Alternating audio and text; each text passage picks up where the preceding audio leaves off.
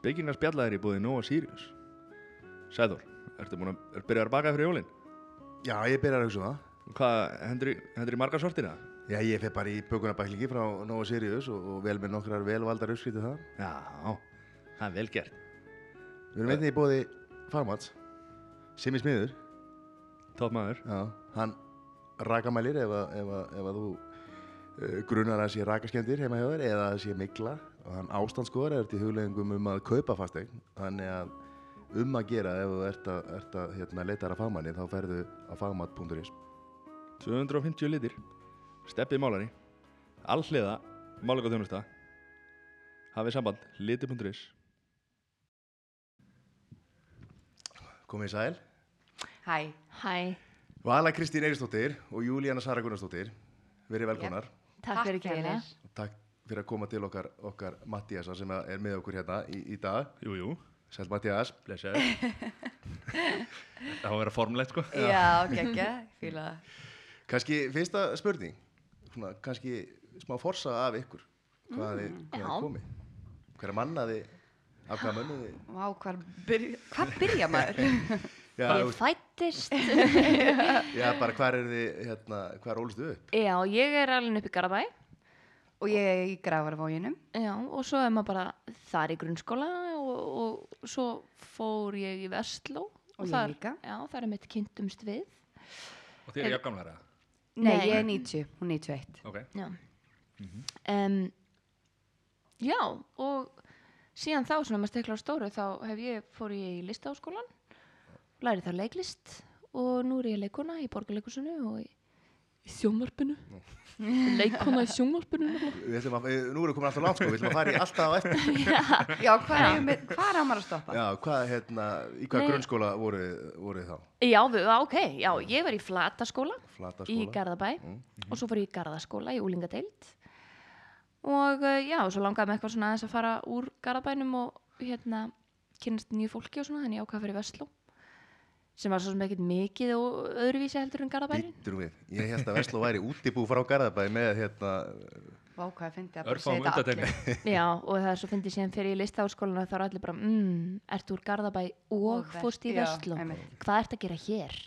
Hefur þú komið í miðbæin eða? Þú veist, þetta var ógeðslega fyndið en ég flutti einmitt síðan í miðbæin bara eftir, eftir Vestló, sko, til að vera nær skólanum þá að breyttist lífið. þá breyttist lífið en það bara Já. breytist bara fatasmekkur og, og bara Já, og bara, þú veist, í alvöru tala um þess að, ég meina, mér varst yndislegt að alveg upp í Garðabæ, en það, það, hérna, um, og Vestló, það var líka bara mjög gaman, en það er, sko, svona eftir áhyggja, þá er alveg, þú veist, það er alveg svolítið einsleitt að búa bara í einu útkverfi og, þú veist, umgangast bara fólki þannig sem þú kemur í háskóla og tala nú ekki um eitthvað listaháskóla sem er staðsettur niður í miðbæ, skilji, að þá, þú veist, þá bara einhvern veginn fólk allstaðar af og frá útlöndum og þú veist, þá var þetta hljómar einhvern veginn þetta er náttúrulega Íslandi lítið samfélag og kannski einsleitt með mörg önnur samfélag en þá bara svo mikið af fólki sem var einhvern veginn með allt, allt, allt, allt, allt annan bakgrunn heldur en ég. Og uh, já, maður bara kynntist nýjum típum og, og einhvern veginn, Allt annað sín á lífið bara. Já, þú veist, þá var ég öðruvísi, sko er, er of hérna che- cheesy, hvað, hvað er cheesy á íslensku? Hérna, væmi. Já, er of æmi að segja að- að- að að- að þá hafur bara kynst sjálfur eru bara nýtt. Maður er náttúrulega alltaf að kynast sjálfum sér. Nei en það er samt sko ma, ma, ég, það, hm, halló? Get ekki, get ekki tala, ég var að vakna sko ég lagði mig. Hérna, nei þá svona þá, og náttúrulega bara með listnámi þá ef maður spurður alls konar spurningum um heiminn og sjálfan sig og, og hérna og maður er að leika eitthvað fólk og maður þarf að einhvern veginn að bara kafa inn í hvernig er að vera einhver annar og þá fyrir maður að spyrja spurningum um einhvern veginn hver er ég og hvað vil ég og hvað finnst mér og, og ég var náttúrulega ekki búin að finna mig því ég útskrifaðist og er sérstaklega ekki búin að finna mig ennþá þannig samt jú, það, það, alls konar gildi breyttust og alls konar hérna maður fór bara að efast um það sem manni fannst og, og mynda sér nýja skoðanir og svo leiðis Ég held bara eins væmi og það hljómar, maður kynnist, maður kynnist einhverjum hluta af sjálfum sér með hverju árinu eftir því sem maður bara þroskast. En mér, mér líður þannig. Mm. og kynnist öðru fólki og kynnist öðru fólki líka. Já, og, og, og svona, já, kannski hérna þeirra skoðunum kannski og þá breytast þína skoðunum nákvæmlega, þú bara, þú bara þroskast. Það er bara, það er bara máli ég meina, ógeðslega fyndi sko, hvað mér fannst ég ógeðslega fullarinn þegar ég var í Vestló mér fannst ég alveg með þetta og mér fannst ég nákvæmlega vita bara hver ég væri hvað ég var að fara að gera, bara allt þetta. Um, kemur á daginn að ég vissi ekkert og ég bara, ég var ógeðslega mikið barn. Og bara svona því ég lít til Vestló árana þá var ég bara lítið barn bara, "Mm, hvað á ég gera, ég bara, ég vissi ekki neitt. Og maður er alltaf að reyna að vera einhver annar en maður er vegna sem maður, maður bara þekkir sjálfa sig bara kannski ekki nógu vel skiljiði þannig að þegar ég lítið baka þá bara svona ok, það, það er kannski ekki bara fyrir en ég egnaði spörni mín bara þegar að Já. ég actually þroskaðist bara og, ég og það allt eftir sko Já. þannig að ég er bara ég líka Þannig að Ah. það er bara þá bara, Já, þá geggjað. komum við aftur og ke- kem ég aftur og segi hvað hva ég er búin að hvað, hvernig nú lífið er ég búin að finna mig en, en þetta er rosa mikið svoleiðis að hérna, maður heldur bara mamma og pappi hvað er þau reyna að hafa vit fyrir mér? Ég veit ég veit bara, þú veist, bara, bara 16 ára og bara, ég er bara fullorinn einstaklingur. Svo Já. horfum maður á börn sko, eða krakkar sem eru þá 16 og 17 og 18 ára þegar maður held að maður væri með lífið á reynu sko, Já. og horfum á þau og maður bara, hvað er í gangi? Ég Nei, ég fór að leikstýra hérna, leikstýra í mentaskóla um, núna í fyrra og bara að þeim ólöstum sko, það var ekki frá þeim tekið þetta bara magnaðir einstaklingar og ótrúlega flott, flotti krakkar sko, flottir listamenn og allt bara og góðu vinni mínir og ókslega gaman að kynast þeim. En ég samt svona mitt horfið yfir sko, bara, þú veist, bara maður gekk inn í skólan og var einhvern veginn að fara að halda námskeiðar og eitthvað svona, og mér fannst einhvern veginn inn í mér eins og ég væri jafnaldrei þeirra. Mér leiði eins og ég ætti ekkert með það að vera að koma eitthvað og vera, "Ú, ég er hérna, ég er yfirvald hér ég er leikstjórin ykkar, skilji.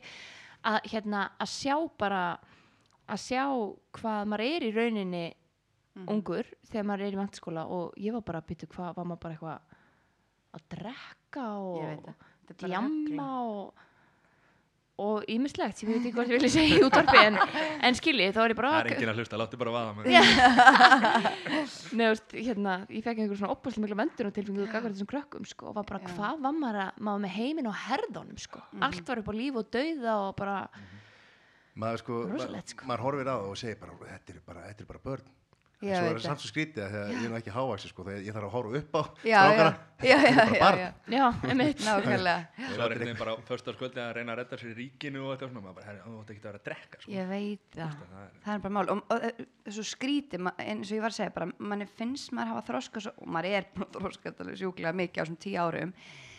En eins og Valur segja, á sama tíma þá líður mér alltaf eins og ég sé bara svona litla júlina í mér. Maður er alltaf pínu svona maður er alltaf sérstaklega minn þegar maður er að fara að vinna með þú veist, þegar maður er að halda leiklistanamski fyrir börn eða unglinga, maður það er svona alltaf að minna sig á bara já, ég, ég er sem sagt ég er að fara að gefa þeim ráð. Þú veist, ég er komin hérna til að til að vera eitthvað eitthvað klár og fullorðin skiljiði og maður þarf stundum að minna sig á það vegna þess að maður er alltaf bara svolítið lítill í sér. Ekki kannski þannig lítill í sér heldur bara maður er bara litla Júlíana skiljiði þetta er alltaf þegar maður þarf að- þarf að taka svona ábyrg sem fullorðin einstaklingur. Þá er maður alltaf, öð, ég nenni því ekki sko.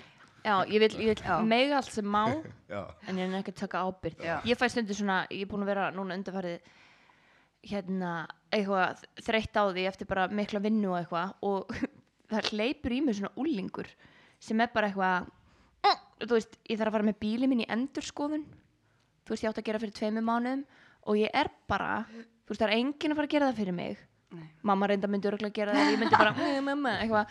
En þú veist, þá, þá kemur í mig bara eitthvað svona algjör frekja. Já, bara ég nenni þess ekki. Þú veist, hvað er ég að, eitthvað, þú veist eitthvað sem að bara fóreldrar mann skerðu bara og maður vissi ekki eins og af, allt í nöri bara eitthvað býtu, ég, ég býtu, ég þarf að fara með bílinn skoðun. Já. þarf að kaupa oregano, þú veist bara, er það ekki bara til? Er ekki límband það þarf að kaupa límband já, já, já. en ég var svo erfitt en- líf krakka. en heldur, heldur að mamma hann hafi ekki mikla þetta fyrir sér líka. Fyndi kannski á sínu tíma Kannski- sko. já. en maður veit það ekki. En þú voru að passa að gera ekki eitt sem að ég þekki eitt einstakling sem að ætla, fór ætla að fara með bílinn skoðum og enda einhvern veginn í smurningu. Já, og kom tilbaka og bara sko, þú veist, og þá var ekki búið að skoða bílinn bara, fórst ekki með skoðum? Jú, Já. Bara smurbókin bara alveg búið, að skrá allt í hana og allt í toppmálu þar sko. Hengi limmið á númerablöndinu og en þetta, er- þetta er fallegt sko. Svo líður mér alltaf fælega vel þegar ég eh, klára eitthvað svona sérstaklega mitt þegar maður er búin að gera það einu sinni eða oftar og veit maður bara eitthvað, já svona funkar hann heimurinn já, ég þarf að sækja, Það er er þetta skjál sem ég þarf að fylla út og kaupa þetta ég límband. bara, maður Þetta minn gerir svo mikið sem dæmi. að maður minn fyrir til dæmis alltaf með bílinn. Það er einhvern veginn bara svona smá það eru smá verkaskipti Já, á okkar heimili. Hann gerir bara söma hluti og ég gerir bara söma hluti en hann fyrir alltaf með bílinn. Svo lendi ég í því í gær að ég þurfti sjálf að fara með bílinn af því að sprakk dekk og ég var alveg ó, ég var ógeðslega stressu, ég fann bara svona komið góður, ég hef aldrei komin á bílaverstaði og svo var þetta ekkert mál þetta var minnsta mál í heiminum. Ég gæti skilið bílinn eftir og fengið mig kaffi og bara verið róli, eskili þetta var bara þetta, ekkert þetta mál er eitthvað sem maðurinn vill ekki að þú vitir. Það er bara hann máli, hann kaffi fer og og hann bara nýtur sín. Já, bara talaðu kallana maður og Sko, ég deili þessu sko, ég, mér finnst ég rosa vannmáttugu þegar ég, maður er komin inn á svona vegstæði og það eru svona einhverjir svona, svona kallmenn í raunhagkerfinu sem að er að gera hluti sem maður kann ekki sko. Já, og maður er bara að passa sig að fá ekki vera skítur á puttunum hann inni sko. Já. einmitt. Og ég er í jakkafötum þannig að þá er maður til í að þykja, þetta, þykja þetta kaffi hjá þeim sem maður er búið að vera á könnunni hérna það er illa skotið á því núna í jakkafötinu maður Nei, geggja að vera í jakkafötum. Ekki hætta þig En Júlíana, þú, í hvað skóla varst þú í, í Grafa? í Grafóinum, þá var ég í borgarskóla ég var sérst í Breiðholtinu í hérna upp til 10 ára aldurs og var þá í Breiðholtskóla Þetta vissi ég ekki. Búm í alvörunni? Já, Já, og hérna og flutti tíu ári í Grafvóin var þar í borgarskóla. Svo fóru allir mínir vinir, eða flest allir mínir vinir í borgarholtskóla en í, þar ákvað ég að slíta smá bara ég, mér langaði svo mikið bara að kynnast nýju fólki. Þú veist, ekki það ég ætlaði bara að henda öllum hinu vinnum mínum en ég ætlaði bara að kynnast nýju fólki og bara kynnast eh, nýju umhverfi bara, þú veist, ég nefndi ekki að vera bara alltaf í Grafvóinum og svo hafði ég líka svona ótrúlega mikið áhuga á leiklist þannig að þess vegna valdi ég Veslu og fór þangað. Og það var bara ókslega gaman og ég var ókslega lítil og vittlaus og, en ég held ég var ókslega fullanin En hvernig voru þið sem, kannski í grunnskóla, voru þið voru þið svona list, listþengjandi svona, Já, voru þið, já. var einhver svona leiklistar eh, verið að setja upp leikrit eða þú veist, hafi alltaf verið með svona lista megin? Já, já, ég var hvernig alltaf það? Eða svona hvernig ég bara, þú veist, sama hvað var gert í skólan þá var ég alltaf í leikritunum. Og hérna og ég var líka að spila á þærflutu þannig ég tengdi það ótrúlega oft inn í leikrit ég spila á þærflutu, ég get spila á þærflutu leikrit þú veist, og verið aðalutverk þú veist, ég var alveg bara hérna. Og, og hérna, þannig að það var það var í rauninni sko um, alltaf ásamt því að vera, ég var líka frjálsum og, ég var, og líka fyrirmynda nefndi, ég var bara fullkomin krakki krakkar. En hérna þannig að það var ósa gaman sko og ég man, ég man, ég hugsaði í grunnskóla, ok, þetta er pottið hillan sem að ég vil vera á. Og það er þá vantalega leikreitin í Versló sem að já, Draga þig þangað. já, þú veist, þau heit- heilluðu mig og, og, og allt það og svo var það ekki fyrir en samt á þriðja árinu mínu sem að ég fór að gera eitthvað í því. Og fór smá að hérna, hætti í frjálsum. Ég þurfti bara að taka ákvörðin bara hvort ætlaði ég að vera íþróttamaður eða leikari. Þetta var bara svona stærsta ákvörðin sem ég hef tekið að mér fannst það á þessum tíma. Þannig að hérna, já þannig að þá fór ég að fullt í, í, í leiklistina. Já. Og það er æfisega mín. En þú Vala, hvernig, varst þú svona, já, það var bara sama sko. Ég var hérna gekk mjög vel í skóla sko og tala alltaf um ég ætla að vera læknir en örgulega bara þegar pappi er læknir. Og ég he- væri það örgulega ef ég var ekki hérna leikona en ég var mitt bara eins sko. Bara sótist ég að vera með í öllu sem að var gert eitthvað svona einhver leikrit og eitthvað og, og já og var bara ókslega til ég að vera með læti og til ég að tala fram fólk og gera eitthvað rugl og láta fólk hlæja þú veist það hefur alltaf bara verið verið eitthvað hérna sem er svona alltaf fyllt mér sko. Og einmitt langa að vera leikona frá því ég var bara krakki sko. Fundu þið þá fyrir því sem að hefur verið svona já, ég veit nú, ég hef ekki verið í grunnskóla lengi, lengi en þú veit, nú eru þið mjög svona opnar og, og hressar og skemmtilegar. Fundu þið fyrir þessari kannski þessu þrýstingi að, að hérna að þið þurft áttu að vera góða stúlkur og læra á Prúðar svona og stilltar. já, og meðan að strákarnir voru, máttu vera vill, vitleysingar kannski. Nei, af því að ég fann ekki fyrir einhverju pressu og ég þyrfti að vera eitthvað fullkomnar en einhver strákur í bekknum mínum. En ég setti bara pressuna svolítið á mig sjálf. Þú veist, ef ég fekk larra en 9-10 próm þá var ég ekki sátt, þú veist, ég var ég held ég hafi bara sett þessa pressu á mig og kannski það hafi komið frá uppeldinu líka, ég veit ekki skilji það er kannski Tó- tónlistarægin náttúrulega hérna já, Sterk. sterkur inn. algjörlega.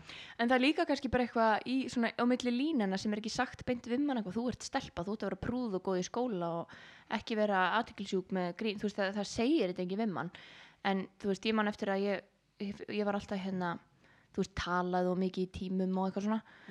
Og ég man alveg eftir að hafa verið einhvern veginn svona tekin til hliðar og einhvern veginn ekki skömmin, ég fekk svona áminningar basically bara því ég var að segja það sem ég fannst sko.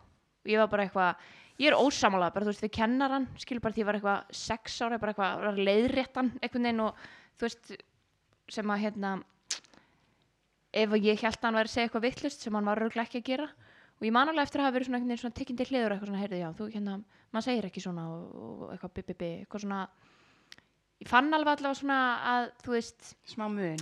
Já og líka bara svona kannski meðal jafningja, ég, ég var gömul sál og ógisla til ég mitt að vera með læti og rífastu kennar og rífastu strákan og bara Mhm. eitthvað. Að hérna á fann ég svona, ég var ekki þú veist, einmannaðalegu einelti að þannig ég fann samt alveg að þú veist að þeir sem voru nettir sko voru bara að byrja þessi sko. Skilur það var svona, ég fann ég var ekki alveg alveg hérna the cool kid sko. En skemmtilegt að nefna vegna þess að um, þráttur að ég hafi verið fyrirmynda nefandi þá var ég aldrei fyrirmynda krakki, ég var algjörst rebel. Og ég held ég hafi verið á skólastjórunum í hverju einustu viku einmitt fyrir að rífa kjaft, fyrir að hlæja of hátt og hérna ég glýma enn við þann gall í dag. En hérna þannig að já, ég var ekki ég, ég veit ekki, ég var oft pælt í því bara hvernig, ef ég myndi tala við kennarann mín í dag sem voru að kenna mér í grunnskóla hvað myndu þeir segja um mig þú veist, vegna þess að ég var svo óþekk sko. það ég veit ekki hvort þau þóldu mig Nei, ja, og en verra sko að- að að- að námi gengur vel að þá geta kennararnir ekkert nei, það er bara máli og þá, ég þau svo ofta mitt band vegna þess að ég gat ég, ég gat námið, skilji Já. Já. Það er ekki En- hægt að segja við bara að það, þeir gengur aldrei vel í prófum Nei. að þú ert ekki að hlusta á eins og að ég, segja mig sko. einmitt, ég var oft oft pælt í því mér þess að bara var oi, hvað ég ljóma en hérna var kannski, þurfti ég meiri áskoranir þú veist, vegna þess að stundum var ég kannski bara búinn, skilji með það sem ég átti að gera og ég hafði ekkert annað að gera en fara bara og hlæja hátt og trubla aðra og skilji en hérna en, en án þess að vera að hljóma eins og einhver, eitthvað undrabarn ég var það alls ekki. En hérna en kannski mitt bara, þú veist, eins og ég gert í dag þú veist, þá fær fólk uh, annan námsefni eða meira eða eitthvað skilji kannski hefur bara að fá meiri útrás í leiklistin það var ekki mikið leiklist í skólan mínum. Ég bara oft ég er ekkert ofta að hugsa um þetta en ég hef hugsað um Þetta er þetta. eina sem hún hugsa það. hún er bara, hún er með bara þetta á hvað heilanum. hva hefði getið verið öðruvísi til að ég hefði ekki verið svona óþekk, skilji Það liggur mikið á því, Þú ég heyri það. já, þetta er bara svona, ég verða eins að ræða þetta. Þetta, um þetta verður létt og skemmtilegt við erum einhvern veginn farin í einhvern þetta er frekar eins og einhver sál, sálfræði tími en er, lík- hvar, þetta, þá, hvar kynist þið? Vantalega í Vestló Já, við kynnumst það hérna í Vestló í, einmitt í einu af þessum leikritum Já. og uh, en við vorum ekkert eitthvað við fórum ekki að verða, verða neina svona almennlega vinkonur fyrir en bara eftir mentaskóla sko. Vo- voru þið eins og, eins og hérna, gerist oft sko alveg, þú veist, þið tóldu ekki hvora aðra og svo allt í einu smalla Nei, það reyndar var heldur ekki þannig sko. Mér fannst hún alltaf geggjuð þess að veit ég ekki af hverju við erum ekki svona góða vinkonur strax þá sko. er maður bara einhvern veginn komin með svona sinn hóp og sína vini maður er bara svolítið þú veist, þá erum alveg fína vinkonur, vorum ekkert eitthvað að hanga saman eftir skóla. En svo flytur hún til London og verið leiklistanám þar. Og þá einhvern veginn svona það var óslega spennandi fyrir mig að hafa einhvern í London sem ég gæti eitthvað hei, hvernig er að vera í skóla í London? Það var áður en ég byrjaði í listaháskólanum. Og þú veist, ég og hérna föðubróður sem býr þar og ég var kannski heimsækja hann og þá heimsótti ég hann í leiðin og eitthvað svona. Það, það var einhver til einhver svona vinskapur ef, eftir skólan bara. Þetta út í London þá, bara. Já, og Í þegar hún rauninni. kom heim og eitthvað bara svona, hérna, að því að þá var maður einhvern veginn um, þá voru við þær, þau fáu, eða þær fáu úr, sem sagt, okkar kreðs í vestló sem að ætluði í alvörun að verða leikarar. Þú veist, maður var að leika með fullt af krökkum sem á vildi ekki endilega vera leikar skilur, fannst bara gaman að vera leikfélagi en síðan áttu við þetta einhvern veginn samilegt já við ætlum í alvörun að að gera þetta sko Hvernig kom það til að fórst í London? Hvað er hérna? um, ég fekk bara svolítið svona ok, ég vil bara alveg bara eins og, eins og ég fekk bara í borgarkvarinu mér langaði bara að skipta um umhverfi. Og þannig langaði mig bara að skipta alveg um umhverfi og hérna ég ákvæðilega bara á síðast árunum mínu að mér langaði að fara út. Og hérna ég fór ekki í, í pröfur heima vegna þess að ég var bara búin að ákvæða mér langaði, mér langaði bara að skipta alveg um. Gerist alltaf fjör, fjara ára fresti? Þetta gerist á fjara ára fresti. Svo sem sagt fjó- fjórum árum eftir ég kom heim það Þannig að ég, var, ég verð alltaf að gera eitthvað svona. Nei og, og svo sem sagt e, maðurinn minn í dag hann hérna hann er leikari, leikaramentaður líka þannig að hann vildi líka fara út. Hann hafði farið í pröfunar hérna heima og, og verið í lokahópnum og eitthvað svona en, en ekki komist inn. og hann vildi líka pró- prófa eitthvað annað þannig að það var líka svona ákveði púss að gera þetta saman þið veitir að skella okkur bara út í pröfur og, og fara bara saman. Svo komumst við inn í sama skólan og það var bara algjör snilt. Ég sé ekki eftir því. Nei. En þú, Vala, þú varst í listaháskólanum. já, Nú, hérna, uh, nú kom hérna Steinarmann til okkar. Já, og var að lýsa sko á sínum tíma þessu ferli að fara í gegnum, pröfur gegnum pröfur og, og hérna Davíð Þór fór einmitt á svipum tíma hann sko, hann komst aldrei inn og, og, Hann prófaði þrísvar, Já. Davíð Þór, komst Já. ekki. Steinarmann flög inn og hérna, en hvernig, hvernig er þetta í dag? að mennur að komast inn Já, þessar pröfur og þær eru ég meina það er alltaf mismöndi fólk að stýra en þær eru alltaf svipaðar svona í forminu að það bara er þú veist, ógeðsla margir sem sækjum og þú kemur bara og flytur þú veist, flytur eitthvað hérna eitthvað ein vali út frá einhverjum reglum sem þau setja og, og svo er þetta svona síur. Þú veist, þú ferð í gegnum tvær síur og þú kemst í gegnum þær báðar, þá ertu komin í lokahópin og það eru, þú veist, 20 manns og 10 sem komast inn og það er alveg svona þá tekur alveg við svona heil helgi skiljið sem er alveg eitthvað svona workshop og alls konar verkefni og hópavinna og, og einhver performance og svona og já og svo endar þetta á viðtali og svo reynir býður bara eftir brefi sko og hérna já þannig að þetta er alltaf þú veist það er núna að fara að taka inn aðeins oftar það var alltaf tekið inn annað hvert ár núna er tekið tvö ári röð svo tekið eitt ár í pásu. Þú veist þannig að í rauninu komast fleiri inn núna á þú veist á löngu tímabili en, en þetta er samt alveg jafn hella sko hellaður fasi að fara í gegnum þú veist maður er alveg ógisla skemmtilegt en maður er líka bara með hjarta á miljón allan tíman sko. Og þú bara inn í fórstofu að býða eftir brefinu bara Já, reynda fekk ég í tölupósti, það orðið ra- rafrænt.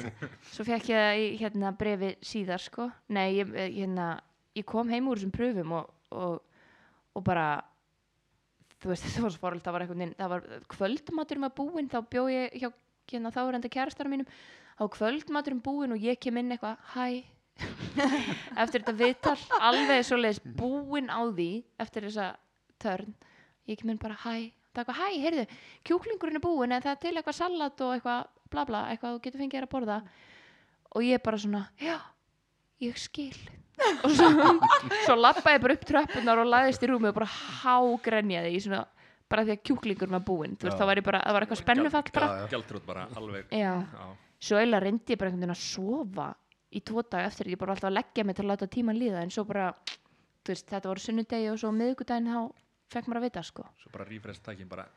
Já, já, það bara opnaði e-mail mitt og hérna lá svona fram á borðinu og svona ofandaði menn ég var að opna postin og svo um leiði ég sá svarið að þá bara fór ég svona þá, ég var aldrei bara svona hratt að gráta Æ, ég var svo, mér var svo létt Já, ég, hérna, já, ég var einmitt alltaf að spyrja hvernig, hvernig maður ákveður að vera leikari, sko. Af því að krakkar ætla að vera, hérna, læknar og, eða dýralæknar. Einmitt, mjög mikið Lög, lögreglumenn og eitthvað svona, sko. Þú veist, það er engin tíu ára sem að, sem að, þú veist, segir bara ég ætla að vera endurskoðandi. Nei, Ég, ég ætla að vera lögfræðingur, ég ætla að, hérna, fyrning kröfurétti, það er bara svo geggja stöf að, ég ætla að, þú veist, og, Þú mistur okkur öll annars. sko. Nei, svo, sko, svo breytist það eftir Ali McBeal og, og Suits og þetta, þú veist, og svo verður fólk aðeins eldra. En hann að, Það eru líka leikarar sko. Þið, er, þið er að lifa hérna bara gamlan draum, er það ekki? jú, einmitt það er bara, það er bara svolítið svoleiðis og það, já, Já, og þú veist, ég, ég setti mig markmið því ég kom heim úr leiklisskólanum og skrifaði þau niður á blað. Þau hafa öll ræst þessi markmið í dag og er ótrúlega fyndið sko, einmitt eins og segir, maður er svolítið að lifa drauminn, þú veist, þegar ég, ef einhver hefði sagt um mig tíu ára bara ert eftir að gera þáttarserjur og, og, og hérna og út eftir að bara vinna við það sem að þú elskar að gera og út eftir að leika, þú veist, ég, bara, ég hafði ekki trúið því. Og þannig að það er alveg það er alveg magnað og ótrúlega fyndi sko það kemur ekkert eitthvað eitt daginn eitthvað ah, ég ætla að vera leikari. Þú veist það er einhvern veginn bara alltaf mér fannst ég bara og mér finnst ég bara einhvern veginn þurfa að gera þetta. Þetta er svona þetta er einn hluti svona af haminguprósessinu hjá mér skilji þetta er bara ég er bara ógeðslega hamingjusum því ég er að leika. Eða þú veist að gera eitthvað sem að tengist í einhverju listformi. En já, og þið hafið náttúrulega náð árangri sem að, þú veist, líka ungi krakkar alltaf vera atvinnum en í íþróttum. En það, það verða það fæstir og, og veist, margir alltaf vera leikarar en, en það verða það fæstir. einmitt. Þannig að hérna, bara innilega til hafingi með já, það. takk Já, takk. En þetta, er- þetta er ekki bara að dansa á rósum ég menna að vera leikar er mjög erfitt Það er líka helviti, sko. Já. Já, já, já. en það er helviti Nei, ég, ég ætla ég ekki að skafa ofan að því, veist, ég er búin að vera verið. ógislega heppin sinni útskrifaðist en á sama tíma þá hafa líka komið mánuður þar sem að ég er ekki með vinnu. Mhm. Þannig að þú veist, þetta er, þetta er sko bara balansi á milli þess að vera bara sjúklega ánæður og bara allt er að ganga sjúklega vel og líka bara hvað á ég að gera í þessu mánuði. Skilji, Mhm. þú veist, þetta er alveg af því ég er, ég er að frílansast, þú veist, ég er ekki í leikúsinu, þannig að það er, það er nefnilega rosa mikið þannig, bara þú þarft að fá endalust af verkefnum. Þannig að þetta er, þetta er, þetta er erfitt, Þetta er eins gaman á það að- er. Góð þess að fá magasár. Þetta er það. En maður það líka bara smá að segja bara, afsækið, fuck it. Þú veist, þú ert bara, þú getur ekki verið að stressa þig upp á einhverju sem þú getur ekki stjórna. Þú veist, þú getur ekki er Það er bara svolítið að go with the flow. Já. Já, það er bara þannig. Nei, en þetta er alveg rétt, ég meina ef maður fær tíu nei, fær- kemur alltaf eitt já sko. Já, það er bara að- svolítið svoleiðis. Það reddast einhvern veginn alltaf allt, mér ég alltaf verið að segja það, en bara Það er allar mínar ágjur í lífinu það er alltaf reddast. Þannig að ég er svona að reyna ógislega mikið að taka þessu bara öllu með ró og bara, já, þetta reddast og það er bara gaman, ég ætla bara, ég ætla bara að hafa gaman, ég ætla bara að hafa gaman í atvinnulösa mánuðinu mínum, skiljið, þú veist, þetta er bara svona, maður bara svona the flow, þú veist, einu sem ég get sagt. Það er bara rétt Hve- Hvernig er, er hérna, samkeppni? Nú eru þeir náttúrulega að þú veist, keppast um hlutverk líka við vin ykkar sem að þið hafi kynst í þessum geira. Já. Er Einmitt. það, hérna, þú veist, er, er allir bara brosandi og allir vinnir en svona bak við, bak við lukta dyra þá ertu, ertu svona að óska þeim allsýls? Ó, nei, nei, alls ekki sko. Það er svolítið um, kannski, kannski þú veist þegar maður er einhvern veginn ný útskrifaður og veit ekki bara einhvern veginn hvað verður um mann þú veist að þegar maður er aldrei það er aldrei eitthvað svona, nú er þetta komið nú er ég örug fyrir lífstíð, þú veist það er bara hérna, þó þú komist inn í skólan, þá ertu í skólanum og svo þú klára skólan, þá hvað svo skilur, það er alltaf þetta er alltaf hérna einhvern veginn svona spurning hvað verður um mann og þá kannski er eitthvað svona stress í manni eða eða hérna afbrýð sem ef, að, veist, ef allt gengur ekki upp hjá manni og eitthvað svo en svo er það bara, mér finnst ég allavega að komist að því að að hérna þú veist að ef einhver þú veist, sem ég hafi áhuga einhverju hlutverki í einhverju leikriti eða eitthvað ef einhver annar er ráðin í það þá einhvern veginn þú veist, ég, ég upplifa aldrei einhverju svona gremju ég ætti að vera að leika þetta þú veist, það er Nei. bara, þessi mannski verið ráðina því hún hefur orkuna eða þú veist, hérna útgeisluna sem að, sem að listræni stjórnundundi vilja Já. og þá henda ég bara betur í eitthvað annað, þú veist, ég myndi aldrei þú veist, að því að, að fara einhvern veginn að streytast á móti því myndi mér finnast eins og einhvern veginn að vera reyna að klóra sinni í partí sem mann er ekki bóðið í, maður er bara, heyrðu, ég vil bara vera bóðið í ammælið og þá mæti ég glöð, en ég ætla ekki að vera eitthvað Nei. Þú veist, ég á að vera þarna. Þú veist, það er bara, mér finnst það ekki rétt tilfinning. Ég held við séum flest með þennan hugsunarhátt einmitt Já, í, í þessum geira, þú veist bara, bara, við samglæðumst í alvöru og einmitt að því að maður þekkir svo mikið af fólki í þessum, í þessum bransa að þú veist, maður er bara ánæður ef einhver fær, þá er hann bara akkurat típan sem að, þú- veist, sem að henda í þetta hlutverk og hérna, Já, það er líka eins og þú varst að segja, þú veist það bara, hérna, þegar eina dyrir lokast þá opnast aðrar og maður kannski, Já. og ég meina maður getur líka alveg, það er ekki eins og maður sé alltaf bara einhverju bleiku skipar, ég samgleðst öllum bara svo mikið, maður getur alveg fundið eitthvað, ó, hérna, maður getur fundið fyrir báðum tilfinningum einu, skiljið, bara vá hvað er gaman að þessari gangi svona vel, en ó, kom, ég veri líka til í það, skiljur, en maður er ekki sitjandi heimi í einhverju fílu, skiljur, það er bara, heyrðu, ok, ég er bara spennt að sjá hvað gerist næst hjá mér, veist, skiljið. við, við valum oft var í pröfu fyrir sama hlutverkið og, og hérna og ég, ég man ekki veist, er pröfu sem ég er núna að hugsa um þá fengum við hvorugar hlutverkið en ef að vala hefði fengið þá hefði alltaf verið bara ok, hversu geggjað. Þú veist, ég hefði bara þú veist, og með mér að tala um, um, tala um þetta um daginn. Ég myndi aldrei vera eitthvað öfundsjúk gagvart einhverju sem að hérna, vala myndi fá eða, eða eitthvað, þetta er einhvern veginn bara við samgleðumst bara, það er bara Þið eru betri manneskir en ég sko. En þú veist, þetta er ekki, ma- eins og maður segir, maður er ekki einhver engil, þú veist, auðvitað getur mann langa að vera eitthvað, oh, dammit, þetta hefði verið svo gaman, en þú veist, til dæmis bara eins og ef, að, ef að þið varu leikstjóra að ráða mig og Júlíunu, við erum svo ólíkar já, að það væri ekkert, þú veist, ef að, ef að Júlíunu fengi hlutverk en ekki ég, þá, þú veist, það er bara af því að vildu aðra orku já, þá, veist, bara, þetta er þá, þá er það bara þetta sem þið vilja og ég get ekki, Þú því, sko. ég get ekki breytt því og, og, og líka bara spyrir sér bara eitthvað svona hérna já, Mhm. af því að til þess að fá það sem hún myndi fá þá þyrfti ég basically að vera hún og, eða skiljið, þú veist, ég var að spyrja þessu því ég var einhvern veginn eitthvað, að hvað minnst þetta eitthvað erfitt, átti bara eitthvað svona erfitt moment og þá, Mhm. þá var leikonu sem spyrir mig bara, viltu vera hún? skiljið og Það er ég bara, nei, ég segi, já, já. vilt þú ekki vera þú? já, ég segi jú, þá bara já hætti þessu væli, þú Já. veist þú ert bara með annað element og það mun koma þér á þann stað sem þú ert að vera á Vakna bara gift og með börn ég myndi til dæmis aldrei Vilja vera vera Júlíana. Nei, þarna skiljið líka, mig. þarna líka dregur á milli sko, fólk sem að fær kannski höfnun eða neitun eða eitthvað Mhm. hugafarið sem að já skipti máli ég, þegar þú ert uh, með jákvært hugafar þá myndi færðu Akkurat. mæntalega næsta hlutverk en ef þú ert eitthvað fúll og pyrraður eða pyrruð eða eitthvað þá nákvæmlega. Þá sér maður ekki sko möguleikana sína. Og það er alveg það er svo ógeðslega eðlilegt að bara gefast upp á þessu skiljið, þú veist og það er svo, það er svo, það er svo skiljanlegt. Og það er bara að því að þú veist, þú veist ekki nú, þú veist, nú, nú er ég kannski að tala með raskatinu skilju að því að bara ég, ég hef unnið síðan ég kláraði og ég veit ekkit ef ég hefði ekki fengið vinnu í þrjú ára eftir ég kláraði þá getur vel verið að hafa bara snúið mér eitthvað annað. En þú veist, það eru kannski hérna, fólk sem að eru eða voru bara geggjaði leikarar sem að fengu ekki góða byrjun og voru þá bara, heyrðu, já, þetta er bara ég ætla ekki að bæra hausnum við stein, ég ætla bara að finna mér eitthvað annað að gera. En svo var kannski bara tækifæri handa við hotnið skilur en þá eru fólk bara að gera upp við sig bara hvenar, hvenar segi ég bara, þetta er gott. Ekki gefast upp já, ég menn ef þetta er draumurinn þá ekki Heyrðu, nú ætla ég að Nú ætlum ég að opna svona piparkökur rjóma súkulaði frá Nóa Sirius Ég var ekki beðin um þetta. En nú eru að tala bara vel um þetta Það má ekki segja neitt slæmt um Jú, jú, Ég ætla tala að bara- vera alveg heðileg Já, það er Tröflun, já, en einmitt, þú veist, maður er bara mjög gott ég sagði einhvern tímann við hérna vinkonu mína bara, já, ég meina maður er bara búin að vera svo ógeðslega heppin, þú veist, það er ekki Meira. allir svona heppnir, sem að er rétt, auðvitað er maður búin að vera ógeðslega heppin, en hún bara er ekki bara heppnir, það er líka bara ógeðslega mikil vinna.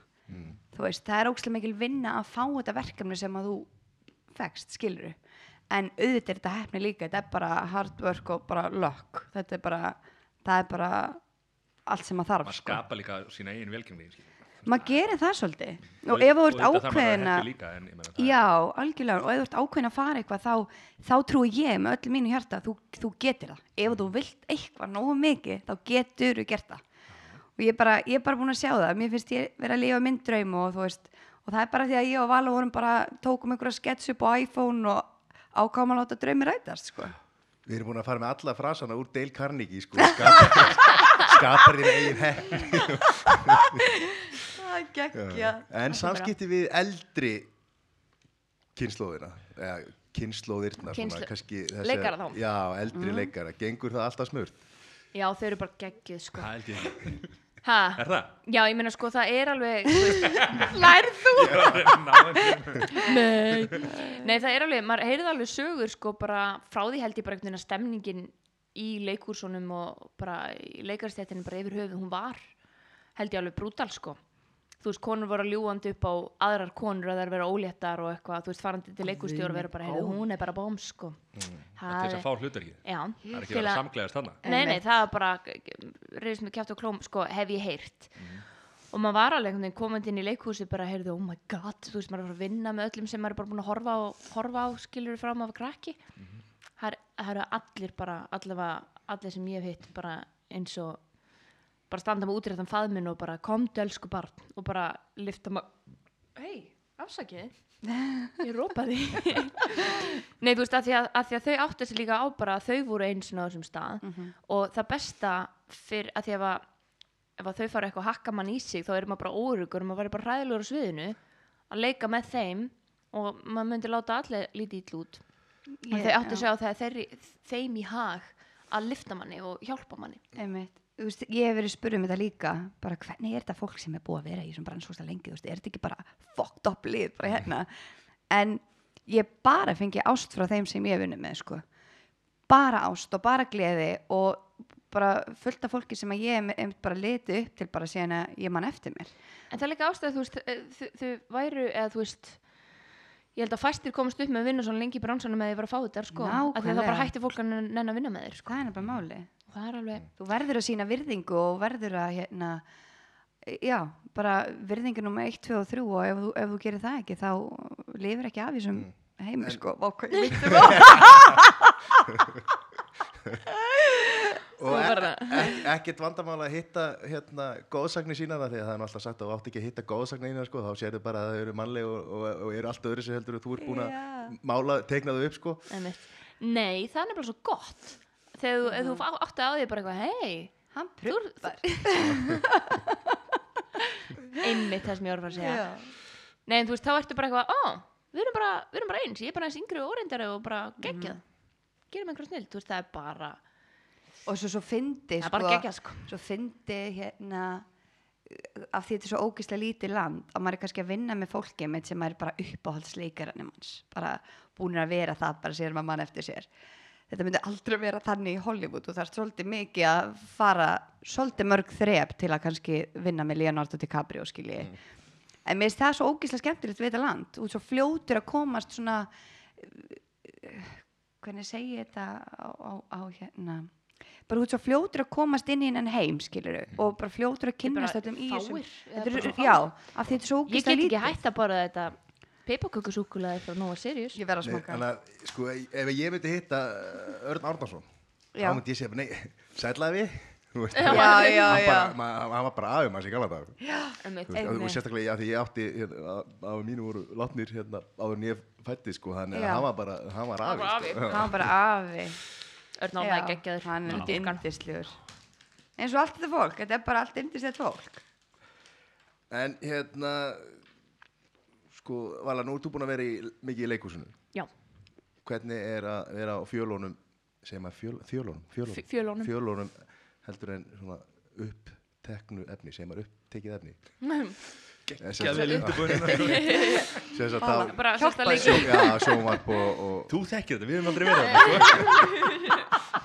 Nei, ég veit, ég skil alveg að hverju út að spyrja. Það er hérna, það er að mörguleiti bara alveg eins, sko, svona hvað var það undirbúning og svona, svona vinnuna sem á sér staði haustum á mann einhvern veginn. En það er mjög ólíkt, sko. Þú veist, ég alveg, það tók mér smá tíma einhvern veginn að bara að leika fyrir fram á kamerur án þess að vera einhvern veginn allt of hávær og stór, eða þú veist, bara þegar maður þarf að leika svo stórt á sviði, sérstaklega ef maður er á stóru sviði fyrir áhörðan út í út fyrir í, á aftasta bekk Já. sko og bara þú veist bara hljómburðun er þannig að maður einhvern veginn þarf að blása hlutunum svolítið upp sko þannig að það er alveg svona tæknilega smá smá öðruvísi sko.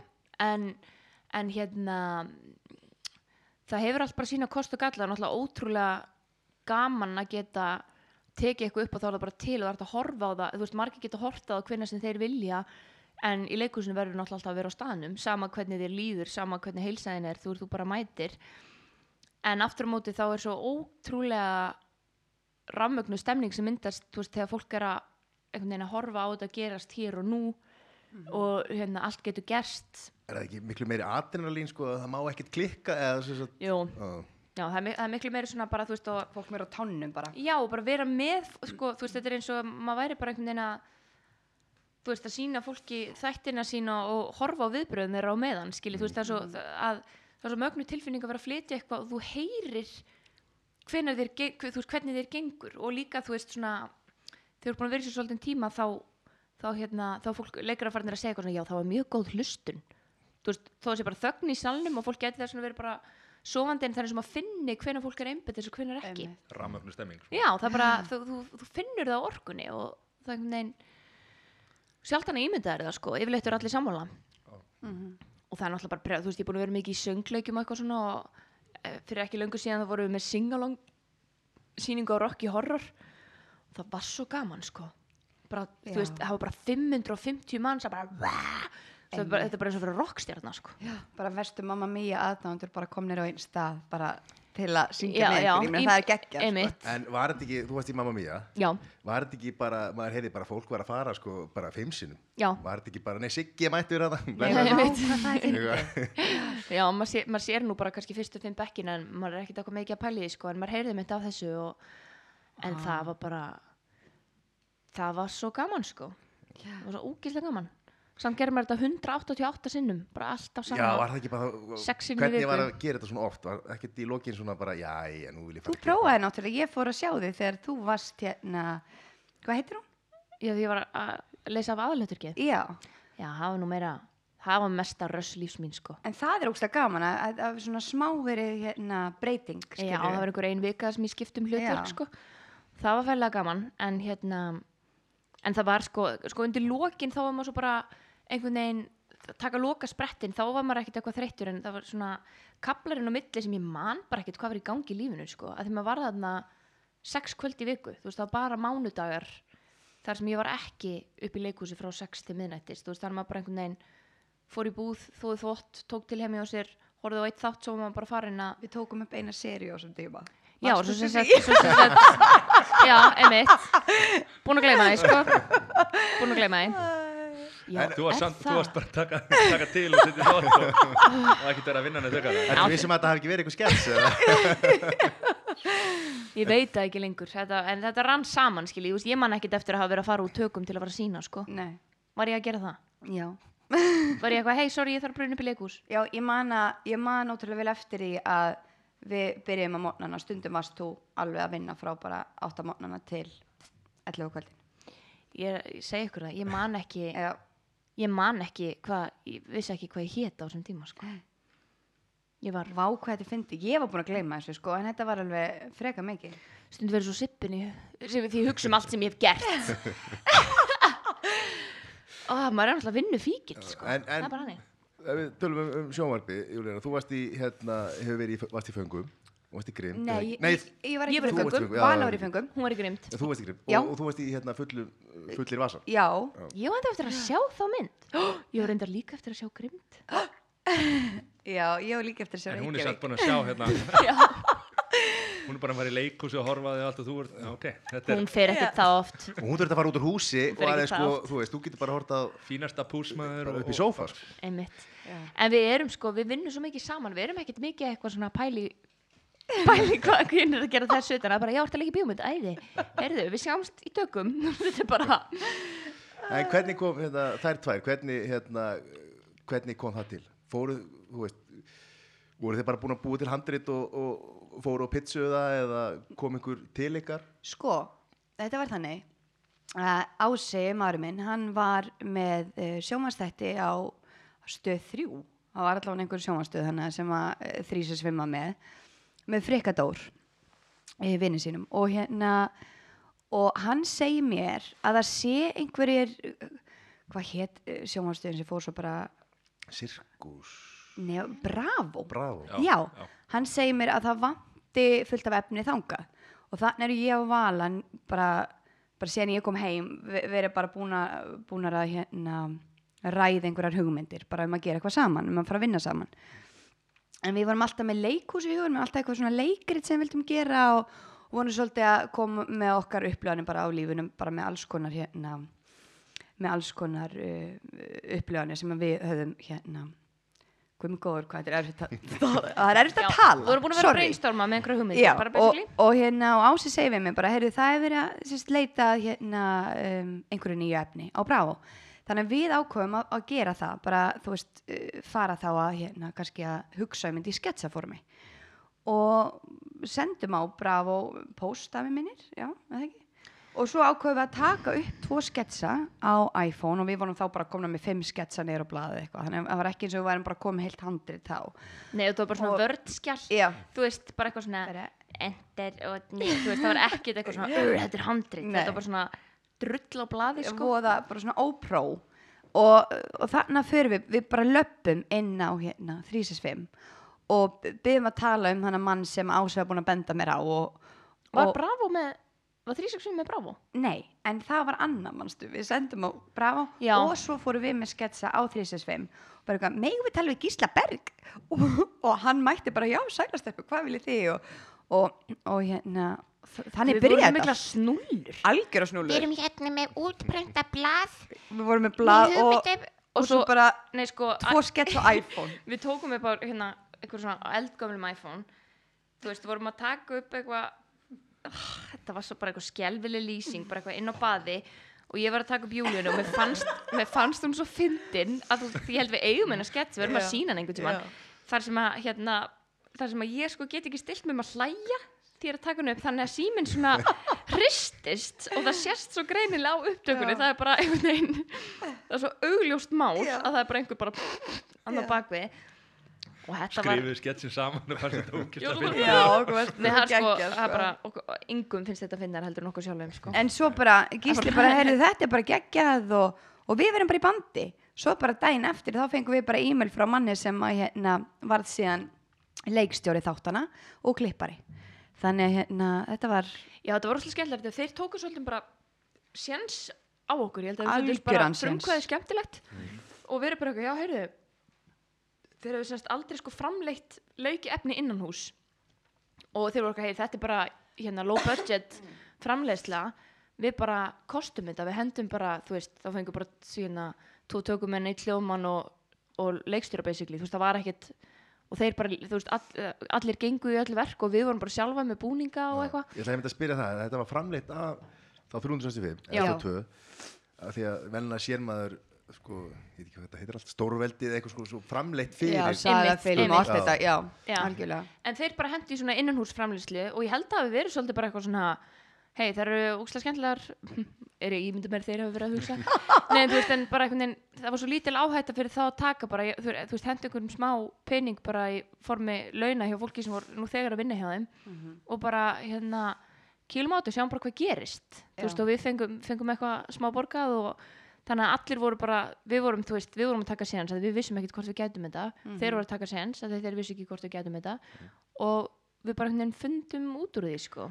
og fengu síðan aðra seríu Já, þetta var svona fesku blær bara inn á markaðin sko. ég, Já, ég held að það verið alveg pláss fyrir þetta Það var sko. alveg gap þarna fyrir, fyrir svona sketsa og þessi fimm sketsa sem voru með á blaði komið þeir Þeir koma allir í hérna, já, ég, ég man þeir koma allir í fyrstu seríun, en svo er ókslega fyndið, svo voru rosalega margir sketsa sem fóru nýra á blaðin, en fóru aldrei í sjónvarpið, bara sem betur fer. og svo eru sumir sem fórnur blað og í sjónvarpi sem hefðu kannski ekki átt að það er svo fyndið að horfa á þetta sumt emma bara eitthvað, Hvað voru við að hugsa? bara þetta er ekki fyndið.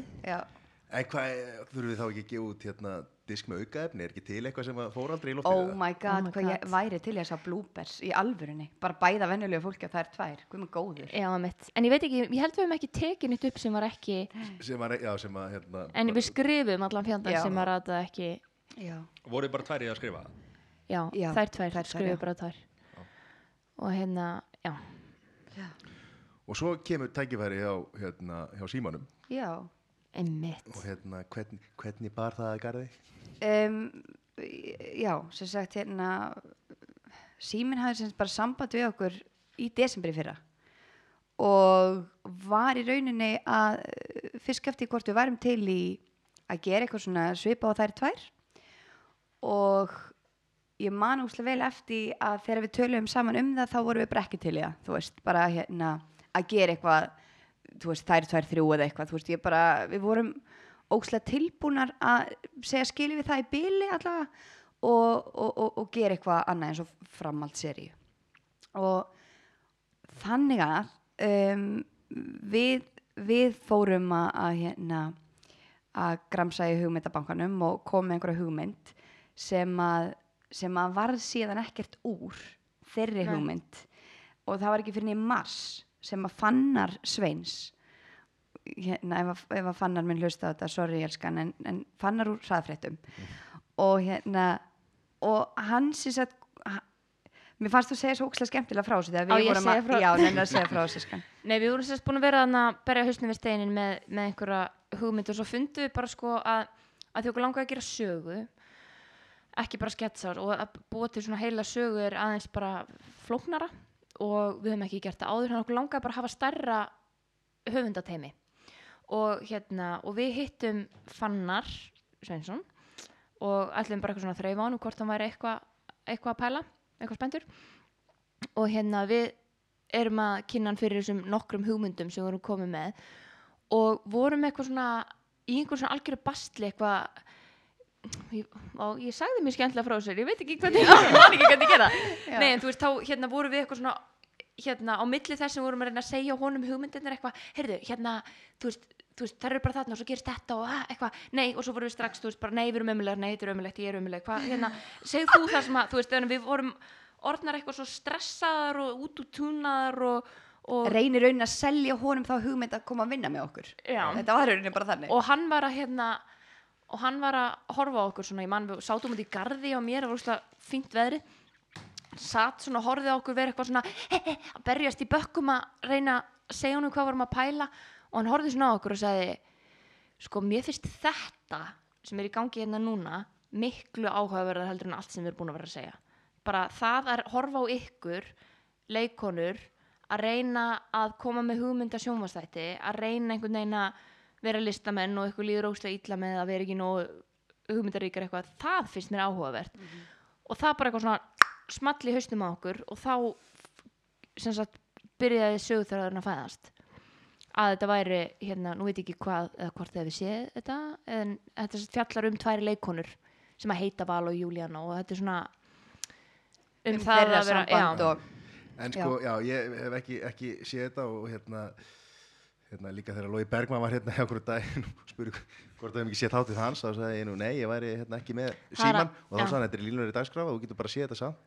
Og þá sagði ég, hérna, já, ég er ekki með afruglara ég hérna, er bara með Apple TV Já, það er bara app, símin appið já, Þannig hérna Já, en- það, er, það er næst á dagskrá. Já, þetta, þetta er sko ég hérna bara er búin að heyra góða hluti með það. Já frábært. Og hérna búin að heyra hérna svo sem hann heyrir, þær eru svo skemmtilega sko. Mm. æ, hvað gá, gaman að heyra. Gæman að heyra. Er þetta þá bara raunverulega sögur um ykkur? sko, bæði vegna þess að þetta byrjaði þannig að við, við hérna við sem sagt hinn hugmyndin bara svona svo ég útskýrta aðeins frekar þá við festumst svolítið vegna þess að þetta, það, það var svo ótrúlega fjarr okkur. Veist, allar þessar og svona sem að við vorum að reyna að koma nýra á blað þá. En um leið og við fórum að hugsa þetta bara hér er Vala, hér er Júlíana, það eru leikonur, það eru vinkonur kynntust í skiluru þá, þá byrjaði að vera miklu auðveldara að koma öllum hugmyndum neyra á blað og, og, og, þá bara þá bara gerðist eitthvað skilji. Þannig að við, þetta byrjaði rosa nálægt okkur en Já. svo fór þetta alltaf fjær. Þannig að þú veist þannig að þetta eru ekki vala júlina í þáttunum en auðvitað eru einhverjar upplani sem, að- sem að við tengjum vel við eða, eða eru eiginlega bara úr okkar lífi skilji. Já, og einhverja svona erkitýpur úr bransanum, þú veist, þá tekur mér eitthvað svona og ég mann þegar ég lendi í, veist, þessu samtali eða þess, þessari pröfu eða eitthvað. Og svo bara Já. stækka maður það og færir, færir það í stílinn, skilji það er, þetta er ekkit eitthvað byggt á sönnum atbyrjum þannig, sko, nema að einhverju litlu leiti en Akkúrat. þetta er svona úr okkar reynslu heimi, má segja Já. og s- stærra uh, batteri heldur en hérna framleiðslan á, á, á Ó þeim tveim. já, Við fengum áfatt, Ég- sko, fyrsta tökudaginn ég, ég hugsaði bara er þetta í alvörinu verkefni sem að við lögðum upp með vegna þess að þetta var bara það var bara trailer, þannig var bara tjöld og bara fullt, fullt af fólki bara að vinna við þetta og ég, ég var í sjokki ég var í algjöru Nei, áfalli ég var í svona þrjá daga þá að við, vorum með svo brjálaðislega flott fólk með okkur, sko Ó, já, og geggjað fólk. hérna það hljóm, þú veist, ég bara segi þetta frá mjög svona barslegum stað, ekki eitthvað við vorum með sko geggjalið, heldur bara ég var bara eitthvað, oh my god, Gauri sem skaut lof mér að falla er að skjóta seríun okkar þú veist, þetta er bara svona Mhm. top notch lið og ég held ég að vera í þrjá daga að bara svona velta fyrir mig bara hvað það er allir að haga sér eins og þetta sé alvöru. eitthvað þú veist, eins og þetta sé bara eitthvað alvarlegt verkefni þú veist, það er allir bara einhvern veginn þú veist, með einhvern, spjö, einhvern spjöld á lofti og bara eitthvað svona, þú veist talstöður eitthvað og ég var bara, hvað er að gerast Já. það var svo illa cool sko Þetta var má geðvegt. maður segja það Já. þetta var bara illa nett Þetta var bara geðvegt. En sko, nú er þið aðlutur ekki, sko, þið verði líka að, hérna, loki ykkur inn í ykkur svo trailer. Það er ykkur að hlaupa, vala vill ekki koma út. já, vera með svona drama vera með læti. Þetta byrjar ekki til en ég mæti. Já, nákvæmlega. og nei, maður var alltaf bara, hæ, hvað, já, já, Já. maður er alveg hlaupandi út um allt og ef, ef eitthvað var sko, þá var, þá var ekki vandamál að fá okkur til að vinna, það var meira vandamál að við vildum vera að vinna vinnur allra annara mm. að við vorum eitthvað, er einhver búin að pæli þessu? Er, hérna, er, er búið að Við þingja svo- þanga, það var svo erfitt Svo að sleppa vanar því í þær tvær að þurfa að pæla í svo ógeðslega mörgum aspektum af verkefninu. bara framleiðslunni þú Já, bara framlýslinni yfir höfu og það var svo ógeðslega skrítið að þurfa ekki að pæla í neinu nema bara mæta og leika. Og það var bara algjör snild og við vorum einmitt eins og Vali segir, við vorum að vinna með svo miklum fagmunum og svo ógeðslega skemmtilegu fólki og mér þykir svo vænt um þetta verkefni að ég fæ bara svona við verðum að gera þetta aftur, skilur það var bara geggja Og þá, sko, við ætlum að klára þessa, hérna, þessa sýri og það verður eitthvað framhald eða ekki, vorandi. Hvernig fær maður að vita, við vitum það ekki sjálfar sko. verður, verður cliffhanger í lokin eða? já, já, það er cliffhanger. Já, já, já, já, já það er alveg cliffhanger. Þetta endar ekki bara eitthvað. sko. og þ- þar með endar sagan það er svona, það er opið sko Já. En við bara, það kemur svona í ljós á næstu vikum hvort að, hvort að veri framhald. Ok, en hvað er þá, þeir kannski ekki farðar að hugsa út í það, hvað er síðan framundan á eftir, eftir, eftir þessu? E, bara í okkar lífum. Já, bara framundan hjá ykkur. Já, Bara um, allstaðar á öllum vikstöðum.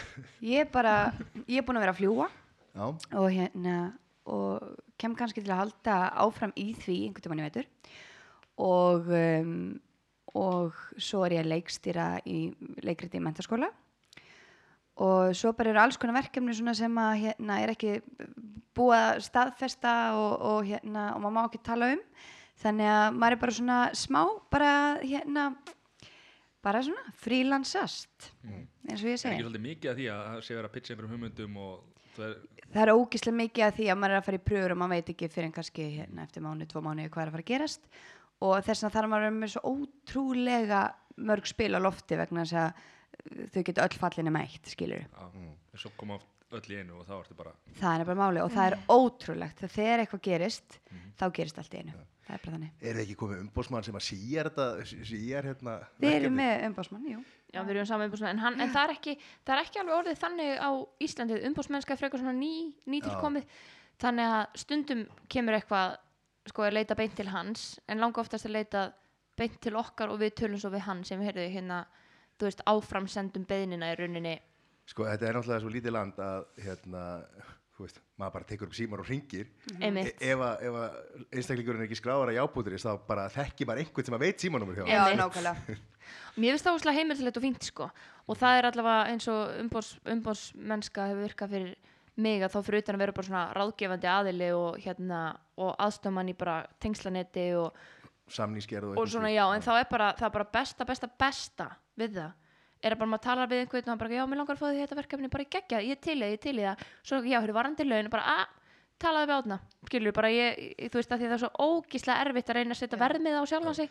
Það er er bara hann Ég á talaði við átna sko og hann gaf mér svona ræti, svona lista, hann sagði að það verður að vera hérna, hérna piparköku. Já, það er ekki. 20 svert hanglaði Já, þannig að það er geggja alltaf að hafa einhvern og líka bara hafa einhvern með sér í liði. Já. þú veist, að að- að hafa einhvern með sér að fund til að spurja spurningar sem maður myndi ekki spurja sjálfur að og ég man bara öllum þessum fundi með síman þá kom Árn alltaf með okkur og, og ég var stundum alveg þögul sem gröfin með hann að hann spurði og spurði og spurði einhverja mikilvægara spurningar sem að við þurftum að vita. Við föttum ekki á föttum ekki sjálfar að spurja skilur bæði það, já, bæði það að maður kannski þorir ekki að spurja og líka það að maður fattar ekki að spurja sko. Já. Svona- já, það er bara eitthvað sem snýra svona praktískum málum, þú veist, maður er bara einhvern veginn að Við hugsa um með trailer. Já, við vorum reyndar ekki með svona einstaklingstrailer, Nei. bara að taka það fram. Þetta var bara svona, þetta var bara svona bara hérna, rúta. trailer fyrir alla. Já, rúta bara, já. En já, ég, sko, rétt áður en við hérna, ljúkum þessu, hvernig er að, nú, þú og maður er bæði leikarar, Já, hann, hvernig er, að- er fjölskyldu lífið og tíminn og hægir Sko, sem betur fer er hann hérna leiklistakennari núna. Nú er hann bara í, í, í hérna kennaranum og finnst það svona æðislega gaman. Þannig að það er, það er hérna hann er gott að, að hann er í dagvinnu. Hann er frá 84. Þannig að hérna, það er rosa gott að annar aðilinn, og ég, ég, ég veit ekki hvernig við myndum annars gera þetta, en, en, en annars erum við með mjög gott fólk á baku okkur í, í fjölskyldinu, sko. Þannig að hérna, þetta reddast allt. Þetta reddast allt. Það, það er ekki þannig að, hérna, að börnin bara býða einhvers staðar og, Nei. og mamma og pappi einhvers staðar í, hérna, í tökum og, og kannski á hérna, leikstýra eða, eða, eða leika. Nei, ég myndi nú ekki láta það gerast og hérna, og e ef ég get ekki, get ekki redda bössun þá bara get ég ekki komist í verkefni, það er bara svolítið svoleiðis. Þau eru nummer 1, 2 og 3. En þessi mýta um að leikarar vakna aldrei fyrir hátti, er það? Ef að verkefni er ekki, og ef þú ert ekki með neitt yfir daginn, þá er ég ekki að vakna fyrir svona 10-11. Og, hérna, og ég segi bara stolt frá því. En þá er maður líka að vinna kannski á, á, hérna, um kvöldið Já. og þess vegna þarf maður bara svolítið sinn tíma í rúminu. ég er sko ég, ég var Þú varst að vakna núna sko, ég var að vakna, ég, nei þú veist, ég, nú er ég að vinna frá 10 10 til 4 og ég meina samt bara 10 til 4 sko Já.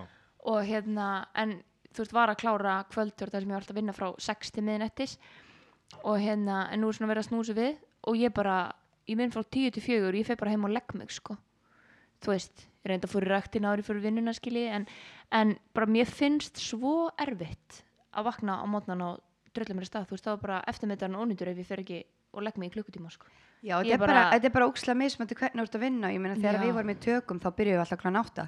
Þannig að þá, var, þá er sólarringurinn alltaf bara alveg skiljið, en svo þegar ég var í fluginu þá var sólarringurinn í algjöru. Þetta er bara, þetta, þetta, þetta fyrir bara allt eftir hvernig þú ert að vinna, ef þú ert að vinna á Já, kvöldina og auðvitað séður hans lengur en ég elska svo til hátis ég líka, Já. það er bara svo geggjað. Maður ég bara að elska að sofa.